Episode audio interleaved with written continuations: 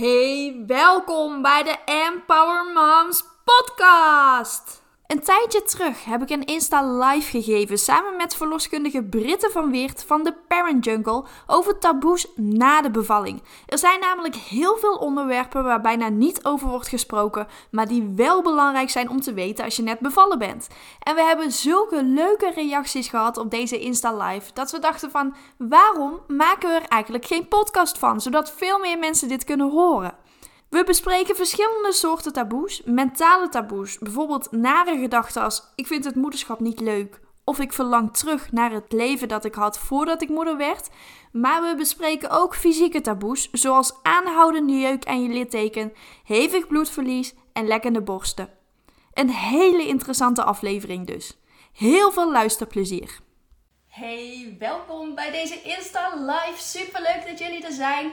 Vandaag ga ik het hebben over taboes na de bevalling. En dat doe ik niet alleen, dat doe ik samen met verloskundige Britten van de Parent Jungle. Want er zijn heel veel onderwerpen waar eigenlijk niet over wordt gesproken na de bevalling. Of heel erg weinig over wordt gesproken. En dat is natuurlijk super zonde. Want waarom zit hier eigenlijk een taboe op? Waarom? Hè, ik, ik snap dat eigenlijk niet zo goed. Omdat het zorgt voor heel veel onzekerheid bij moeders. En zorgt er ook voor dat het gewoon lastig is om hierover te praten met anderen. Omdat moeders vaak denken van, hey, ben ik de enige die dit ervaart?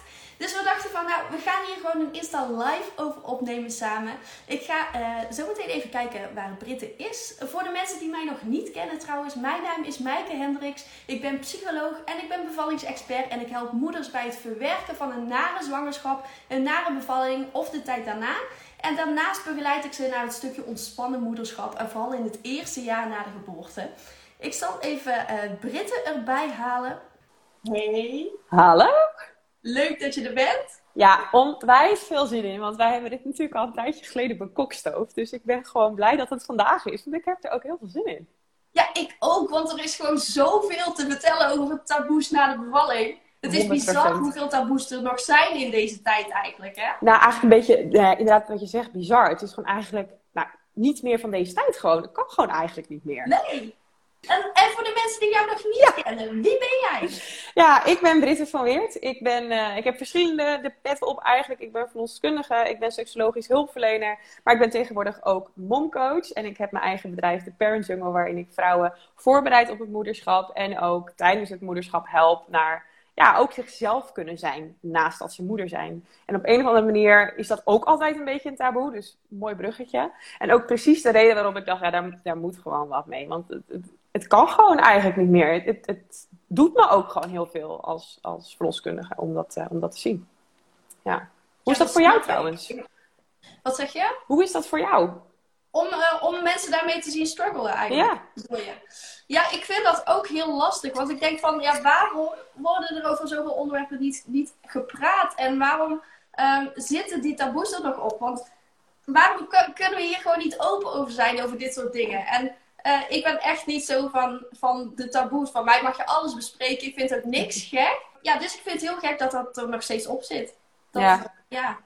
En vooral, er zijn natuurlijk heel veel verschillende taboes. Mentale taboes, over allerlei gedachten die je hebt. Maar ook het stukje over je fysieke lichaam. Hè? Over, over uh, alles wat je meemaakt na je bevalling. Dat bloedverlies en je lekkende borsten. En, uh, um, aanbijen. Aanbijen, ja. Daar mag ook over gesproken worden. Want ik heb ook, ja. ook veel moeders gesproken die, die dan dat uh, kraampakket binnenkregen. Hè? Ja, en met die grote kraamverbanden erin. Nou, die schrokken zich rond. Die dachten echt van, nou waarvoor moet ik die gebruiken? Ja, die matrassen. Het zijn ook echt matrassen. Als je er ook op zit, heb je gewoon een soort kussentje. Maar je hebt ze echt nodig. Ja, echt hoor. Ja. Maar, maar kijk, het is toch gek dat je daarvan schrikt als je dat kraampakket ja. binnenkrijgt. Waarom doen we daar gewoon ook niet meer mee? Ja. Want ik, ik herken natuurlijk heel erg wat je zegt, want we zitten hier niet voor niets samen. Maar het is ook echt zo. We zien bijvoorbeeld die kraamverbanden. Um, maar bijvoorbeeld ook die netbroekjes. Die zijn oerlelijk, maar ze zijn super comfortabel. En als je die dingen voor het eerst in je handen hebt, denk je, dat ga ik echt never nooit dragen. Maar op het moment dat je bevallen bent, denk je, ja zeker, kom maar door met dat broekje. Mm -hmm. Ja, precies. Ik weet nog, in de tijd dat ik zelf verloskunde studeerde, toen moest ik ook al die netbroekjes uitdelen. Toen zei ik altijd, ja, ze zijn totaal niet sexy of zo, maar, maar ze zijn super fijn na de bevalling. Ze zijn ideaal. Ik, ik zweer bij die dingen, dus ik snap heel goed dat vrouwen denken, oh ja. Nee. Ja. En wat, want, wat er wel interessant vond, want we hebben het natuurlijk over mentale en fysieke ehm, eh, eh, taboes. En het grappige is dat ik dus ook wel zie dat daar dat het ook vaak heel vaak ook wel beide is. Dat het ook niet dat je er vaak één en meestal zijn er een heleboel waar je tegelijk last van hebt. En ik zat er over na te denken, welke taboe is voor jou, als jij die aanhoort, de, de moeilijkste om aan te horen als ja, bevallingsexpert? Ja, dat vind ik een hele mooie vraag. Ik, ehm, ook wel lastig te beantwoorden, want er zijn er best wel veel. Maar wat ik zelf heel vaak hoor, is dat moeders zeggen van... ehm, ik verlang soms wel eens terug naar het leven voordat ik moeder Ah, ja. Die hoor ik ook heel ehm, vaak. Ja, omdat ze juist dan meer tijd hadden om dingen te doen waardoor ze konden opladen. Dat ze echt meer me-time hadden. Dat ze niet continu aan hoefden te staan om voor hun kind te zorgen. Want 24 uur per dag voor je kind zorgen is gewoon heel intens. En dat vraagt heel veel van je. Dus dat hoor ik best wel vaak terug. En moeders schamen zich daar ook echt wel voor. Dat ze die gedachte hebben van, dat ze denken van, oh ik ben een slechte moeder. Want hè, als ik dat denk, dan eh, is mijn kind niet welkom. Maar zo zit het niet natuurlijk hè. Het is niks persoonlijks naar het kind toe. Eigenlijk zeggen die moeders, tenminste als ik het vertaal altijd, zeggen ze... Ik vind de situatie niet leuk, maar het heeft niks persoonlijk met mijn kind te maken. En ik denk dat dat onderscheid heel erg belangrijk is. Ehm, en ook onderling naar elkaar. Ik heb toevallig laatst zat ik in een, eh, in een café en ik hoorde twee, twee moeders met elkaar spreken. En ik luister nooit naar gesprekken, maar ik was aan het wachten op mijn moeder. En ehm, toen zei de een tegen de ander dus van ja, ik vind het zo zwaar. Soms zou ik gewoon willen dat ik weer even helemaal geen kinderen had. En in plaats van dat die vriendin zei, oh meid, ik begrijp je wat rot, hield ze haar mond en keek ze een beetje zo weg. En met dat zei die andere moeder meteen, ja, maar je krijgt er zoveel voor terug, dus ik ben heel gelukkig hoor. En toen dacht ik, oh nee, Oh, wat erg. Ja. dan breekt je hart gewoon. Dat ik denk, ja, maar weet je, dit is zo normaal. Ik zou het gek vinden als je nooit denkt, goh, kon ik maar weer gewoon onbezorgd eh, in mijn joggingsbroek op de bank, niemand die ernaar krijgt. Oh, Ja, maar dat, dus laten we ook lief zijn naar elkaar. Ja, ik heb afgelopen zondag, toen, toen dacht ik ook van, oh, ik heb echt even tijd voor mezelf nodig. Dus de kinderen weggebracht naar opa en oma. Nou, ik heb samen met mijn man alleen maar de hele middag series zitten kijken op de bank. En voor de rest helemaal niks gedaan. Dat, en dat is zo goed. Eh, Weet je, dat stukje, dat maakt dat je het ook weer leuk vindt om voor je kinderen te Ja. zorgen. Als je af en toe even tijd voor jezelf hebt. En op een of andere manier die tijd voor jezelf hebben, daar, daar, dat is echt niet oké als moeder of zo. Ja, inderdaad. Ook als mensen zeggen van, bijvoorbeeld, ehm, ik ga een weekend alleen op vakantie. Of, eh, of Lekker een doen. week. Nou, echt allerlei opmerkingen krijgen ze naar hun hoofd geslingerd. Dat is echt bizar. Van, En waarom? hoezo doe je je kinderen dat aan? En terwijl ik denk van, het is juist super goed dat jij die tijd voor jezelf neemt. Want je wordt er ook een leukere moeder van. Echt. Ja. Ik er helemaal bij aan. En wat hoor jij heel vaak? Wat is voor jou echt zo'n taboe die jij eigenlijk niet aan kunt horen? Nou, dus ook, ik vond, ik, toen ik die vraag aan jou stelde, dacht ik, ja, die ga je natuurlijk ook terugstellen. Ehm, nou, heel, waar ik meteen aan moet denken, toevallig vorige week heb ik eh, een nakontrole gehad op het spreekuur bij, bij mij als verloskundige. Dat was iemand zes weken na de bevalling. En nou, ik, die kwam binnen en ik denk, zo, volgens mij eh, heb jij het heel zwaar, echt moe. En, en ik vroeg aan, ik zeg, hoe gaat het met je? En ze zei, ze, nou, eigenlijk niet zo. Of nee, toen zei ze, het gaat wel goed. Oké, ik weet je het zeker? Ja, nou, ik ben zo moe. Maar ja, ik ben heel blij met mijn kind. En toen vroeg ik, vind je het wel leuk op dit moment? Toen zei ze, nee, ik vind het eigenlijk niet leuk. En, en toen zei ze dus ook meteen, maar ik ben gek op mijn kind. En toen dacht ik, ja, weet je, ik weet dat je gek bent op je kind. Je mag het niet leuk vinden. En ehm, eigenlijk is dat een beetje in het verlengde met, met, met wat diegene die jij net zei, terugverlangen naar je oude leven. Zij had eigenlijk zoiets van, ja, ik, ik, ik heb hiervoor gekozen, heel bewust. Eh, ik wist ook dat zij een hele lange zwangerschapswens had. En nu heeft ze het en nu denkt ze bij zichzelf, why wilde ik dit? En ja, het enige wat ik daarover kan zeggen is, het is echt oké. Geef jezelf de ruimte, want hoe meer je het tegenhoudt, hoe groter zoiets wordt. En ook andersom, hè? ook als jij een moeder hoort die dat tegen jou zegt. Ja, ik denk dat daar ook heel veel kracht in zit. Door dan andersom te kunnen zeggen, joh, ik heb het ook. Het is helemaal oké, komt goed. Ehm, want dat is het denk ik ook. Ik denk ook dat we taboes kunnen doorbreken door er met z'n allen wat makkelijker en wat minder oordelend over te zijn. Want dat is denk Nou, ik zeker. het probleem. En niet alleen anderen, hè? ook over jezelf. Want inderdaad, wat jij zei, is ook heel erg herkenbaar. En want ik sprak laatst ook een moeder, die had ook een heel uh, fertiliteitstraject achter de rug. Dus die had echt al jarenlang uh, moeten prikken en allerlei behandelingen moeten ondergaan voordat ze zwanger werd. En uh, toen was ze bevallen en toen inderdaad, dat gevoel be bekroop haar van, um, ja, ik geniet er eigenlijk niet van. Vind ik dit wel leuk en waarom wilde ik dit? En eigenlijk voelde ze zich daar dus enorm schuldig over. Want jarenlang had ze hier naar uitgekeken. En eigenlijk kon ze er niet van genieten, maar ze durfde dat ook niet zo goed met haar omgeving te delen. Want ze moest dankbaar zijn. Ja. Mag je, je moet er, mag er dan ook niet over klagen, dus het moet dan ook maar gewoon leuk zijn. Of je krijgt dan reacties van, je wilde dit toch zo graag? Ja. Oh, wat keur je dan? Weet je wel? Ja, echt, echt bizar. Of kijk wat je wel hebt, die hoor ik ook heel vaak. Kijk dan wat je wel hebt. En dan denk ik, ja, maar dat is natuurlijk ook heel makkelijk gezegd van de zijlijn. Ja, ja, dat inderdaad. En vooral ook, dat zie ik ook heel vaak bij mensen die een traumatische bevalling hebben gehad. Dat uh, mensen zeggen van ja, maar je hoeft niet terug te kijken naar je bevalling. Want kijk gewoon naar je kind. Kijk wat voor moois je hebt gekregen. En die bevalling, ja, hè, die is voorbij. Dus focus je daar maar niet op. Maar ja, zo werkt het natuurlijk niet. Vooral als je iets traumatisch hebt meegemaakt. En dat is trouwens ook eentje hoor. Die, want het grappige is, wat, wij hebben natuurlijk samen een podcast daarover opgenomen. Um, en waar ik toen op een gegeven moment nog over na zat te denken, is dat ik ook heel vaak moeders heb die op papier eigenlijk een hele mooie bevalling hebben gehad, waar ik dan van zou zeggen ongecompliceerd. En die vrouwen hebben dat achteraf toch op een bepaalde manier traumatisch ervaren. En wat ik dan ook heel veel zie, is dat mensen zeggen van nou, je mag blij zijn met zo'n snelle bevalling. Of nou, je moet niet piepen, weet je, omdat, het, omdat er niks aan de hand is geweest. Maar ook dat, je kan gewoon niet oordelen over hoe iemand zich voelt. Want je hebt geen idee wat er gebeurd is. Klopt. Ja, en het kan zo zijn dat iemand zich niet gezien voelde of niet gehoord voelde. Dus dat is echt het gevoel van die persoon. En dat kun je dan niet zeggen van, nou, maar het stelde toch niks voor of waar maak je je zorgen om? Ja, dat, dat, hè, dat, als je dat zegt, zorgt dat ervoor dat iemand helemaal zichzelf niet meer durft te uiten. Dat hij niks meer gaat zeggen. En heel eerlijk, ik heb, ik heb zelf ook een, een, een trauma meegemaakt. En ik weet nog hoe erg ik dat vond. Dat ik eigenlijk niet durfde om te zeggen hoe ik me echt voelde. En dat geldt trouwens ook niet eens voor trauma's. Omdat ik bang was dat mensen vonden dat ik me aan zou stellen. En ik kan je zeggen, dat is zo'n eenzaam gevoel. En ik denk dat heel veel vrouwen die taboes voelen, ook die eenzaamheid voelen. Van ik kan eigenlijk tegen niemand echt eerlijk zeggen wat, waar ik mee zit. Ja, dat is gewoon stom. Dat is vreselijk. Ja, en vooral dan dat machteloze gevoel van ik kan er eigenlijk niks aan doen. Want ik kan het met niemand delen, dus niemand kan mij helpen. Dus ik moet het in mijn eentje eigenlijk klaren.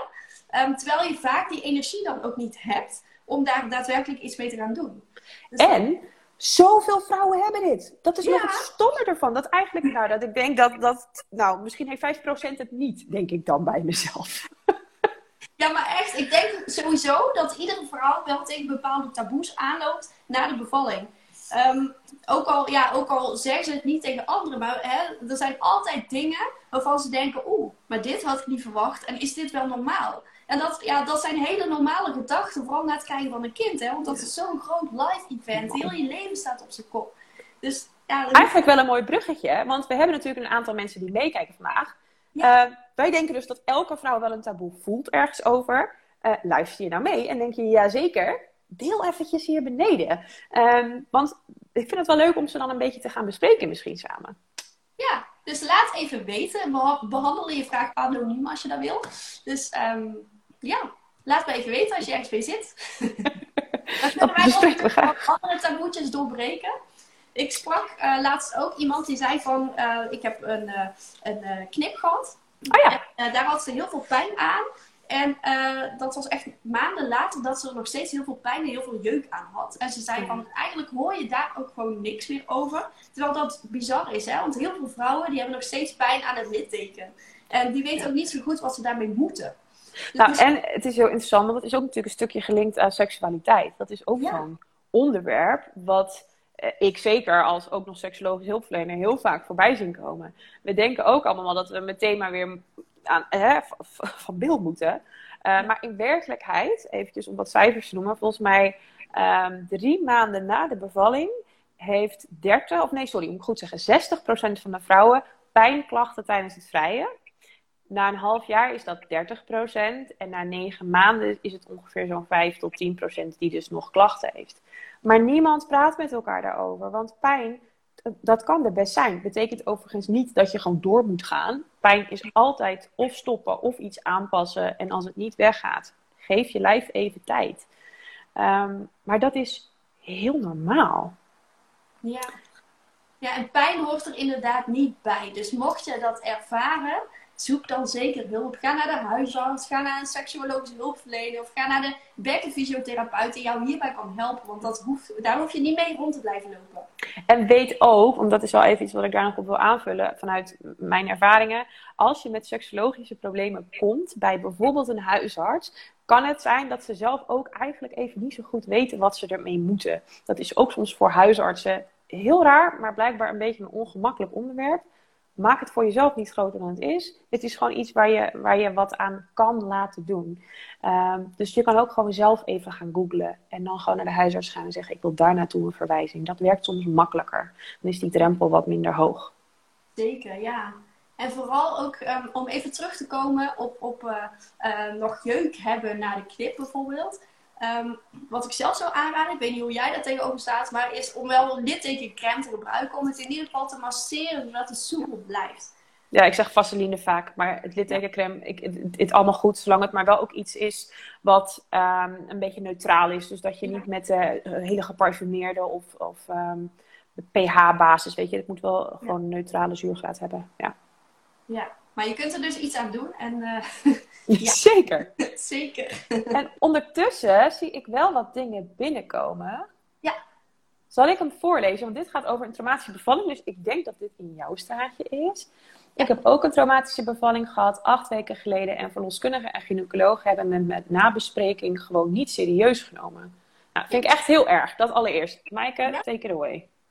Echt vreselijk. Ja, want, want het is al een hele stap om dit bespreekbaar te maken.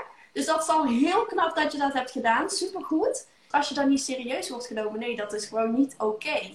Want jij geeft gewoon aan wat het met jou heeft gedaan. En het is juist dan belangrijk dat, dat uh, de verloskundige of de gynaecoloog met jou gaat doornemen van oké, waarom heb jij het als traumatisch ervaren? Hoe komt dat? Wat hadden we dan kunnen verbeteren? Um, of wat is er gebeurd? Even uitleggen van hè, hoe is die bevalling gegaan? Dat wil vaak ook nog wel eens helpen om te begrijpen wat er precies is gebeurd. Dat is heel slecht van de verloskundige en de gynaecoloog. Ja. ja, ben ik helemaal mee eens. En dan spreek ik ook zelf als verloskundige. Kijk, heel eerlijk, ik kan me niet voorstellen dat, mens, dat, dat een verloskundige bewust iets doet om je een trauma te geven. Maar dan nog, ook als het mij zou gebeuren, ook al heb ik de intentie niet, zou ik het echt heel erg vinden als mijn cliënt dat wel zo zou ervaren.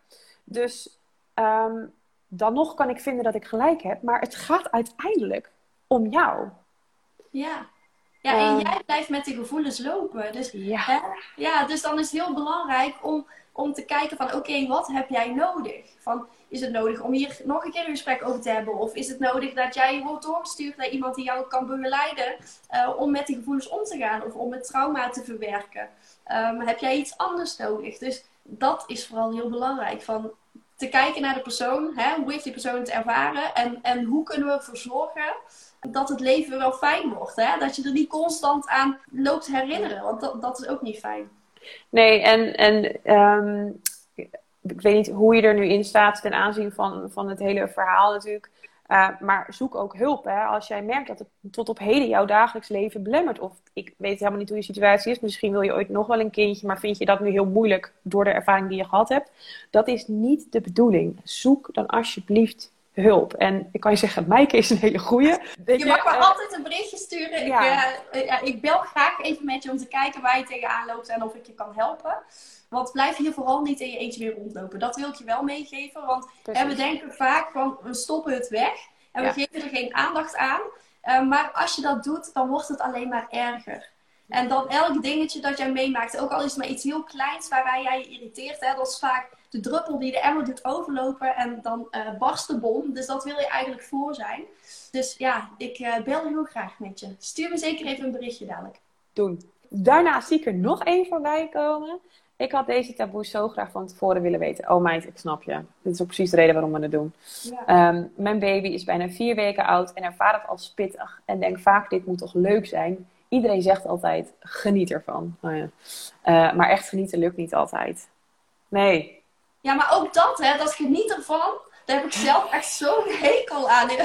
Als Stom, iemand dat tegen je zegt, want dat is ook zo'n druk die je dan wordt opgelegd. Van, oh, ik moet wel genieten. En wat als ik ja. niet? Wat doet het dan met me? Ben ik dan een slechte moeder of zo? Nee, weet je niet. Het kan erbij horen dat je niet geniet. Het is gewoon heel zwaar. Het is heel intens. Het is heel pittig. En heel eerlijk, die roze wolk waar iedereen het over heeft, ik kan je vertellen dat is de uitzondering, niet de regel. Het grootste gedeelte van de mensen vindt zeker die eerste, nou, eerste jaar vaak heel erg zwaar. Heel erg zwaar. En daar is dus niks mis mee. En genieten lukt niet altijd. Nee, snap ik. Ik bedoel, slapeloze nachten. Je lijf vier weken na de bevalling. Ja, je lijf is nog aan het herstellen. Hormonen gieren door je lijf heen. Ik durf ook wel een beetje te zeggen, waarschijnlijk heb je ook niet heel veel tijd voor jezelf. Ehm, ja, ik snap wel dat je niet geniet, meid. Het is heel normaal en, en ook echt oké. Ja, zeker. Ja, het mag er zijn, hè? En, en um, want geniet ervan. Waar dat ook vandaan komt, is ook wat we zien in de media. Dat is natuurlijk heel erg. Sorry trouwens, mijn koffie zit op praten. Ik weet niet of jullie dat horen, maar die gaat uit. Um, maar dat is heel intens, hè? Want die media laten ons zien, oh, zo'n prachtige moeder, helemaal vol in de make-up. Eigenlijk ook alweer bijna de hele lijf terug. En oh, sexy. En dat kind er nog er zo bij. En dan doet ze ook nog eventjes, uh, weet ik veel, sporten drie keer in de week. En dan dat je denkt, hoe dan? Vergeet niet dat dat een hele korte momentopname is van een leven van iemand. Je maakt mij niet wijs dat zij ook niet die slapeloze nacht heeft en ook niet denkt: jemig, waarom wilde ik dit?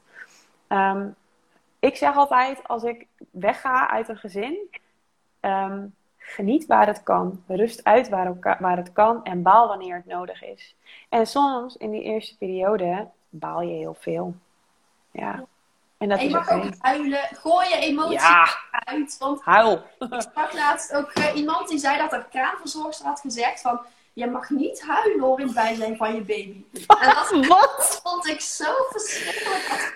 Nou, ik vind het bijna lachwekkend. Wat is dit? ja, nee, want zij zei, de kraamverzorgster, die had tegen haar gezegd van... Nee, en uh, wat moet je baby dan wel niet denken en zo, is wel. Dus ja, dat is echt zo, heel iets raars. Terwijl ik denk van, het is juist goed als jij het gevoel hebt dat je moet huilen, huil gewoon. Gooi het eruit. Oh. Ben je boos, ga even in een kussen slaan. Maar hè, hou het niet in. Krop het vooral niet op. Dus geef ruimte aan die emoties. Dat is echt helemaal oké. En als jouw kinderen zien dat, jou, dat jij huilt, dat is toch juist goed. Want dat betekent hè, dat jij een voorbeeld bent voor je kinderen. Dat zij ook hun emoties mogen uiten. En een baby zal daar nog niet heel veel van meekrijgen natuurlijk. Maar een ouder kindje wel. Ik doe het ook vaak met mijn kinderen hoor. Als ik verdrietig ben en ik huil gewoon. Dan zegt mijn dochter van... Mama, heb je nou traantjes? Moet je nou huilen? Oh, kom maar hier. Weet je wel, dan gaat ze mij troosten. Dus dat is ook een soort van uh, opvoeding. Dus... Ja, een hele goede. Ook dus dragen ook uit. Kijk, als je, we zijn inderdaad het voorbeeld. Zou jij willen dat jouw kind het net zo aanpak, zou aanpakken zoals uh, jij het bijvoorbeeld op dat moment doet? En als dat betekent je tranen inkroppen, als, jij, als dat een goede manier voor jou is en je ook wil dat je kind zou doen. Maar als je juist zou willen dat jouw kind ruimte krijgt voor emoties, ja, laat het zien. Ja. Hele goeie. En om daarop in te haken, want er schoot me nu ook weer een verhaal te binnen. Ik was laatst een, uh, een contact had ik met een moeder en die was een teken na de bevalling volgens mij. En die vertelde me dat ze dat de familie heel veel opmerkingen naar haar gaf, waar ze heel erg on, onrustig van werd. Um, en ze had al een heel lang traject achter de rug uh, met een psycholoog om meer over de gevoelens te praten. Dus zij nam eindelijk de stap om te zeggen dat ze last had van de hechtingen en dat het lange zitten, die familie is vijf uur achter elkaar bij haar binnen geweest. Dus ze heeft vijf uur lang op een stoel gezeten. Ja. Dus die had heel veel last van haar onderkant. Wat ik me kan voorstellen als daar hechtingen zitten, zo kort na de bevalling. En toen zei ze aan het einde, ja, ik heb een beetje last van mijn hechtingen. En toen zei een van haar familieleden, die zei tegen haar, ja, je moet het niet over je hechtingen hebben, want dan gaat je partner bij je weg. Want die, die krijgt dan afkeer voor je. Nou, mijn bek viel op dek. Ik hoorde dat en mijn, ja, ik dacht, hoezo? Hoezo oh, hou je het in je hoofd om dat tegen iemand te zeggen? Ja, ik bedoel, hallo, sowieso, als die familie daar vijf uur gaat zitten en je bent net bevallen. Dat is gewoon al niet oké. Hoe verzin je het? ja, want je wilt gewoon rust na de bevalling. Ja. Sowieso, ja, en dan vijf uur zitten. En als je dan zegt, oh mijn hechtingen beginnen pijn te doen. Dat mag je gewoon zeggen, hè. Want hè, je mag gewoon aangeven waar je last van hebt. Je bent zeg maar gewoon mens. Dus op zich... Ja, en dat je dan zo'n opmerking naar je hoofd kijkt. Nou, echt. Dat is toch, nou ja, goed. Ik had precies hetzelfde. Maar op die manier snap ik dat vrouwen daarna niet meer gaan zeggen dat ze last hebben, last hebben van de hechtingen. Want dan krijg je zo'n opmerking om je hoofd. Het is natuurlijk eigenlijk heel gek. Ik zie trouwens nog een hele mooie aanvulling. Ik huil zoveel, ken mezelf daardoor bijna niet meer. En voel me schuldig wat ik zo denk en niet kan genieten. Ja, dat schuldgevoel, dat is ook, ook zo'n grote. Um, schuldgevoel hoor ik heel veel. En dan is mijn vraag naar wie voel je dan schuldig? Want uiteindelijk, um, ja, schuldgevoel is iets wat natuurlijk heel, wat meestal te maken heeft met dat je wil dat de anderen het, het fijner hebben en dat jij iets doet waardoor dat niet kan. Maar ja, geef jij jezelf ook wel ruimte om, om voor jezelf te zorgen, om om te zorgen dat je goed in je vel zit. Want daar heeft je omgeving ook heel veel aan. Dus door jezelf voor jezelf te zorgen, zorg je indirect voor je omgeving. Dus dat hele schuldgevoel, laat het los. Je bent maar mens. Ja, kan ik me alleen maar bij aansluiten, inderdaad. Ja, van naar wie voel je je schuldig? Naar iemand anders of naar jezelf? Want we zijn vaak ook heel erg streng voor onszelf. Hè? We leggen onszelf een bepaalde druk op. Um, schuldig naar mijn kind, alsof ik niet dankbaar voor hem ben. Oh ja. Maar dat is volgens mij niet zo. Volgens mij ben je wel dankbaar voor hem, maar volgens mij vind je de situatie soms gewoon zwaar. En dat mag, hè? Dat, dat is zeker oké. Het is gewoon heel pittig als moeder zijnde. En vooral in het begin, dan sta je er ook helemaal alleen voor. Je bent al die tijd begeleid. Hè? Tijdens de zwangerschap door de verloskundige. En die eerste week uh, door de kraamverzorgster. En daarna ook nog een paar controles door de verloskundige. Maar daarna sta je er eigenlijk helemaal alleen voor. Dus het is echt niet gek als je dan het gevoel hebt van, oeh, het is zwaar, het is pittig, ik voel me schuldig als ik bijvoorbeeld tijd voor mezelf neem of, uh, of bepaalde dingen doe, dat is, dat is helemaal oké. want het is gewoon zoeken naar wat voor jou werkt, naar een fijne balans. Het is zoeken naar een fijn ritme voor jouw gezin. En dat is niet uh, zomaar ineens uh, gevonden. Dat is echt wel een, een zoektocht. Ik zeg ook altijd een soort van blijven balanceren op een koord. Hè? Van zoeken naar de balans. Het is niet dat je opeens een balans hebt gevonden. Het is altijd een beetje blijven zoeken naar van oké, werkt dit voor mijn zin of werkt dat beter? En als het niet gaat, dat ook vooral blijven aanpassen. Ja, en, en ik zie nog een hele mooie aanvulling ook erbij komen in het chat. Het is meer de situatie waar we in zitten en de zoektocht naar het leren kennen van je kind. De slapeloze nachten. Ja, ja het leren kennen van je kind. Daar, daar kaart je iets heel goeds aan. Want het leren kennen van je kind. Ja, dat, dat, dat krijg je niet zomaar voor elkaar. En elke keer als je denkt, nou, nu weet ik het. Dan groeit die baby weer en dan is het weer helemaal, dan kun je weer van vooraf aan beginnen. En dat is het moederschap. En dat je daar niet altijd van kunt genieten of weinig van kunt genieten. Ja, dat kan. Sommige ouders hebben ook bepaalde fases die ze leuk vinden. Uh, en bij sommige ouders is dat niet de babyfase. En de key, denk ik, in het kunnen genieten van iets, is door te accepteren dat het dus niet altijd leuk is. Dat klinkt misschien een beetje tegenstrijdig. Maar als je kunt denken van, goh, vandaag is het kut, maar ik heb wel een mooi kindje. Dat is heel anders dan dat je denkt, oh, het is kut. Ik eigenlijk vind ik het helemaal niet leuk en er klopt iets niet en het gaat niet goed. En oh, huilen, frustratie, je komt er niet meer uit. Probeer, stap terug, het is oké. Je bent maar mens en het hoeft niet altijd leuk te zijn. En misschien is het heel lang even niet leuk. Ja, dat kan meisje, maar dat is oké echt oké. Ja, zeker. Ja. Het mag er zijn. En kijk ook echt naar wat jij nodig hebt en wat wil jij. Ja. Waar heb jij behoefte aan op dit moment? Want je hoeft jezelf niet weg te cijferen. Hè? Maak van jezelf ook jouw eerste prioriteit. Zet jouzelf een keer op één. Want we zijn heel erg geneigd om alles voorrang te geven, om de baby voorrang te geven en aandacht aan onze partner te besteden en alle visite voor te laten gaan en dat soort dingen. En wij zelf hangen ergens op die laatste plek. Maar juist jij bent super belangrijk. Want als jij niet goed voor jezelf kunt zorgen, kun jij ook niet goed voor anderen zorgen. Dus hè, plan of prioriteer jezelf eerst. Ja, en een hele goede vraag om jezelf af en toe even te stellen. Wat is er op dit moment belangrijk? Is dat dat de was gedaan wordt? Of is dat dat jij even een half uurtje op de bank gaat zitten en een boekje lezen, bijvoorbeeld? Um, En ik kan je zeggen dat het 9 van de 10 keer het boekje lezen is. Zeker, ja. We hebben daar echt nodig. Gewoon even rust, even niks aan ons hoofd. Maar het is ook de valkuil, want dat hoor ik ook heel vaak, ook een soort van taboe. Dan heb je die rust genomen eindelijk. En dan kun je er niet van genieten. Ja, weet je, dat je met je tijd moet? Ja, omdat je hoofd over uren draait. En omdat je constant bezig bent met, oh, dit moet ik nog doen en dat moet ik nog doen. En je dus eigenlijk gewoon uh, liever iets anders doet, omdat je anders schuldig gaat voelen dat je die tijd voor jezelf hebt gepakt. En heb je daar nog een goede tip voor? Ja, grip kijken op je gedachten is heel belangrijk. En vooral ook van, is het, ja, te kijken van, oké, wat heb ik nu nodig? En is dat echt om nu even die boodschappen op te ruimen of om uh, de, de afwas te doen of zo? Of is dat echt gewoon die tijd voor mezelf? En kan ik me niet concentreren bij dat boekje? Uh, wat wil ik dan wel? Hè? Kun je bijvoorbeeld even dansen op muziek, zodat je je gedachten kunt ordenen? Of, uh, Rondje lopen buiten, even uit je huis. Als, je, als je dat continu ziet, kan het soms ook zijn dat je daar heel erg geprikkeld wordt. Ja. ja of een podcast opzetten of wat dan ook. Dus uh, ja. En het is ook zoeken, hè? want als je weinig tijd voor jezelf hebt en je hebt opeens tijd voor jezelf, dan moet je ook een bepaald patroon doorbreken. Dus het is niet gek dat je in het begin, dat het een beetje onwennig is. Dat heeft ook even tijd nodig. En het is ook oefening. Ja, dat klinkt een beetje gek, maar het is ook oefening. Zeker. Ja. Ik zie hier nog iets binnenkomen. In het bijzijn van mijn schoonmoeder durfde ik in het begin mijn dochter ook niet te pakken als ze huilde. Want baby's moet je gewoon laten huilen en niet altijd maar troosten of oppakken. Wat is dat toch met die familie die zich overal tegenaan bemoeit? Ja! Daar zouden we toch gewoon een verbod op moeten hebben. Ja, ik zit er net te denken inderdaad. En vorige week stond er ook een artikel in de krant.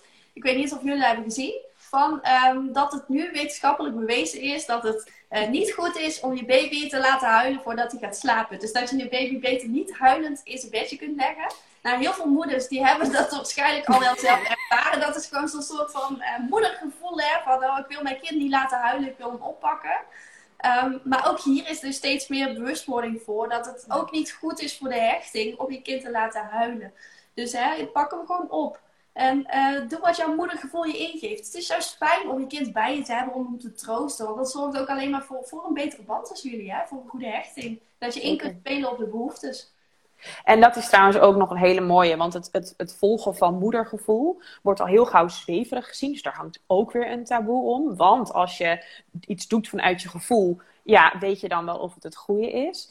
Geloof me, ja. Je weet eigenlijk weet je wat, wat je kind nodig heeft. En stel dat je het niet weet, dan is dat ook niet erg. Dan heeft het misschien een beetje tijd nodig. Maar als jij voelt, wat ik nu ga doen met mijn kind, voelt echt niet goed. Dan mag je op jezelf vertrouwen. Dan mag je denken, prima, ik doe het op mijn manier. Want heel simpel, jij bent uiteindelijk degene die met jouw kind een heel leven aangaat. Niet je schoonmoeder. Ja. Dus ik zou zeggen, schrijf in die schoonmoeder, lekker je baby pakken, Huppakee, goed zo. Laat je niet gek maken. Vaak, als wij denken dat er iets met ons kind aan de hand is en we gaan ermee naar de dokter of zo. En de dokter zegt nee, het valt allemaal wel mee. Terwijl echt jouw gevoel zegt van nee, er is iets. Ja, blijf het, blijf het vooral volhouden. Hè? Want jouw moedergevoel klopt altijd. En de dokter weet ook niet alles. Dus als jij denkt van er is iets mis, dan is er vaak ook iets mis. Ja, echt waar. En dat is ja, een, ja geef jezelf ruimte. Het is echt oké. Ja. Volgens mij hebben we al heel wat aangetikt. Uh, ik zit te denken, we hebben het best wel veel over de mentale en eigenlijk een beetje de sociale taboes gehad. Zullen we nog wat fysieke taboes ja. eruit vissen? Lekkende borsten bijvoorbeeld. Ja, lekkende borsten. Dat is een goeie. Ja, vertel.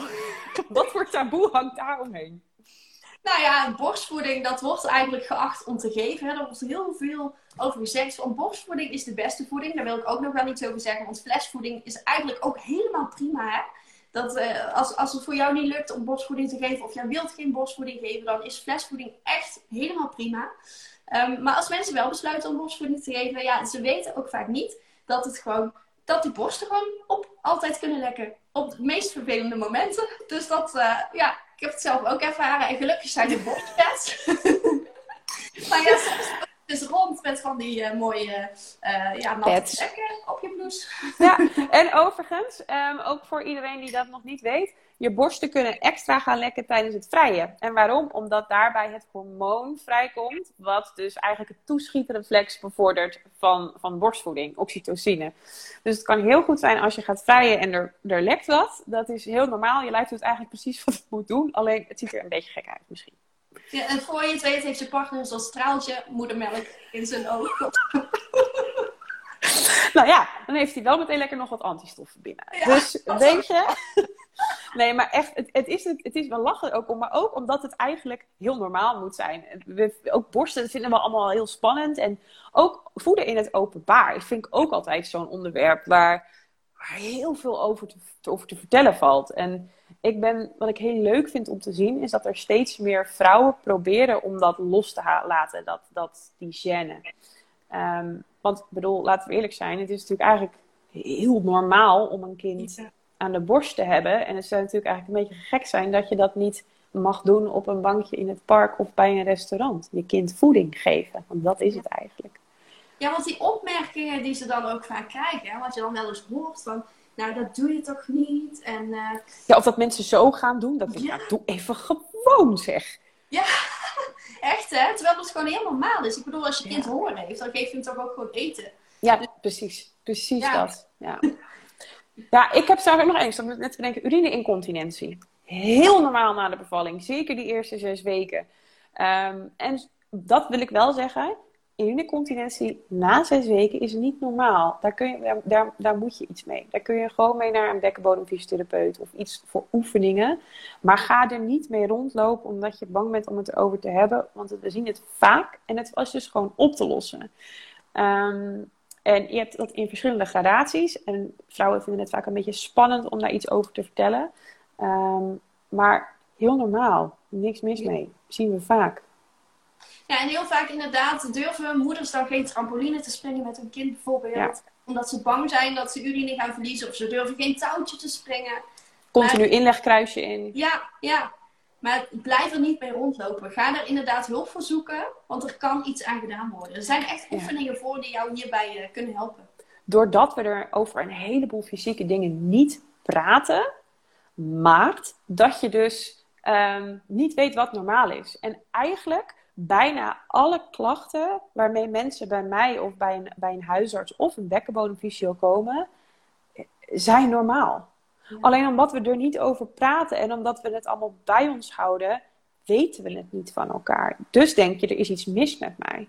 En dat geldt voor, voor mentale, maar ook voor fysieke dingen. Het, het, het is eigenlijk, mijn spreekuur, 9 van de 10 keer heb ik heel vaak dezelfde klachten. Maar ja, als we er niet over praten, dan weet niemand dat. Ja, precies dat. Dus hoe fijn is het dat wij nu deze taboes doorbreken? oh, ik ben zo blij dat we dit gedaan hebben. Ja, echt hoor. Ze zijn ook al lekker al een tijdje aan beppen, zie ik nu. ja, inderdaad. Jeetje, die tijd gaat snel. Gaat hard, hè? Hebben we nog dingen die we uh, nog niet hebben besproken, maar waarvan we wel denken van, oeh, dit zouden meerdere moeders moeten weten? Nou, ik dacht, misschien hebben mensen ook nog wel vragen. Ja. Ik weet niet of er nog, mochten er vragen zijn, want ik, eh, dat, ga ik jouw vragen vast beantwoorden. Maar typ je vraag nog even hieronder, want dan kunnen we die zo nog eventjes beantwoorden. Of een taboe die je misschien nog even besproken wil hebben. Um, wat ik zelf nog heel erg mee wil geven, is dat ik echt oprecht geloof dat meer zelfzorg voor moeders heel veel op gaat lossen. Ook qua hoe je je voelt. Um, dus dat vind ik altijd, blijf ik een hele belangrijke vinden. En het, de taboes doorbreken begint bij onszelf. Dus zeg een keer tegen die vriendin van, joh, ik heb een aanbij en het doet echt pijn. Ja, probeer maar eens. 9 van de 10 keer zegt ze, nou, ik heb geen aanbij, maar ik heb wel uh, wat anders. Ja, of ik kan mijn urine niet ophouden, bijvoorbeeld. Ja, Maak het bespreekbaar. Maak het bespreekbaar. Wees er open over en ga niet met dingen rondlopen waar je echt last van hebt. Want ja, we kunnen je heel vaak gewoon helpen. Ja, zeker. En jij, Meike? Ja, ik kan me hier helemaal in vinden. En vooral ook schaam je niet voor um, de dingen uh, die jij hebt of die je hebt meegemaakt. Want niks is gek. En er zijn heel veel moeders die met precies dezelfde dingen uh, lopen als jij. Alleen doordat er dus zo'n taboe op zit, denken we dat we de enige zijn. Ja, maar we zijn dus echt niet alleen. En misschien durf je het niet met anderen te bespreken, maar kijk dan ook vooral bijvoorbeeld op forums of uh, op Facebookgroepen bijvoorbeeld. Ik, er zit bijvoorbeeld, ik zit zelf in een groep, in een uh, januari 2019 groep, want mijn dochter is in die, in die maand. Ah, en daar zitten dus allemaal moeders met kinderen van dezelfde leeftijd. Dus dan kun je heel makkelijk gewoon je vragen stellen en dan is er niks gek. Dus misschien is er ook wel zo'n groep voor uh, moeders van, met kinderen van jouw leeftijd. Goeie. Ja, dat is echt een hele goeie. Dat, zoek ze op. Ja, precies. En ik zie trouwens nog een leuke reactie. Ik maak alles bespreekbaar. Zo. ik maak alles bespreekbaar. Alleen wordt er altijd raar op gereageerd. Maar ik blijf er lekker allemaal over praten. Goed zo. Yay. Doen. Scheid aan hebben. ja, ehm, daar begint het mee, hè? Gewoon zelf bespreekbaar maken. En scheid hebben aan wat anderen ervan vinden. Precies dat. Precies dat. Ja. En jij hebt ook nog een hele leuke masterclass, hè? Oh ja. Zelfzorg. Uh, ja, ik ga volgende week maandag een masterclass geven. Drie geheimen voor een gelukkige kraamtijd. En om een klein tipje van de sluier op te, op te liften, is een van die geheimen natuurlijk de zelfzorg die ik net met jullie besprak. Uh, hij is gratis en zeg je nou dat lijkt me tof, daar wil ik graag bij zijn. Uh, meld je even aan via de link in de bio via mijn Instagram account, at the dan zie ik je daar heel graag. En, Maaike, jij, ik ben niet de enige met masterclasses volgens mij. Nee, klopt. Ik heb uh, twee masterclasses. maar ik ga over uh, anderhalve week op vakantie. Dus ik geef hem voorlopig niet meer live. Maar hij staat uh, automated op mijn website. Over de Empower methode. Meer tijd en meer energie voor moeders. Dus hoe je echt grip kunt krijgen op je tijd. En grip kunt krijgen op je energie. En ook vijf must-do's voor meer rust in jezelf. Dus hoe kun je echt die rust pakken? Hoe zorg je ervoor dat je die rust krijgt in je hoofd? En wat zijn de dingen die je daarvoor allemaal kunt doen? Dus die kun je gewoon gratis, uh, kun je daarvoor aanmelden en dan kun je zo kijken. Super tof. Nou, ik, uh, ik denk dat ik ook ga kijken trouwens. Super cool. um, en dan wil ik nog even afsluiten met een hele mooie reactie. Geen vraag, maar fijn om dit even te horen en te bespreken. Ik dacht dat er iets mis was met mij. Nee, is niks mis met jullie. Met jou niet, met niemand niet. Het is gewoon zoals het is. En uh, ja, je doet het goed. Je doet wat je kan. Absoluut. En heel fijn dat jullie het allemaal wilden delen met ons. Ja. Want dat is ook niet makkelijk natuurlijk. Dus dankjewel voor jullie vragen. Heel fijn dat jullie uh, hier open over wilden zijn. En deze taboes met ons wilden doorbreken. Want daarmee hebben we ook al een stapje in de, ja, met, met meer, meer bewustwording gecreëerd eigenlijk. Hè? Precies. Bedankt voor het kijken allemaal en het ja. delen. Dankjewel. En wil je dus meer weten over Britten, ga dan naar theparentjungle.nl. En wil je meer weten over mij, ga dan naar empowermoms.nl. En, oh, eh, en trouwens, nog super tof. De, de podcast van mij en Maaike komt aanstaande vrijdag online uh, op mijn podcastkanaal. Dus echt luisteren. Gaat over bevallingstrauma's. Super interessant. Echt doen. Oh ja, en de podcast die ik samen met Britt heb opgenomen. oh ja. die komt volgende week donderdag online. Dus Precies. En die gaat dus over zelfzorg. Dus eigenlijk een hele mooie combi. Allebei luisteren is fantastisch. Zeker. Doeg Maaike. Fijne avond. Doeg allemaal. Doei.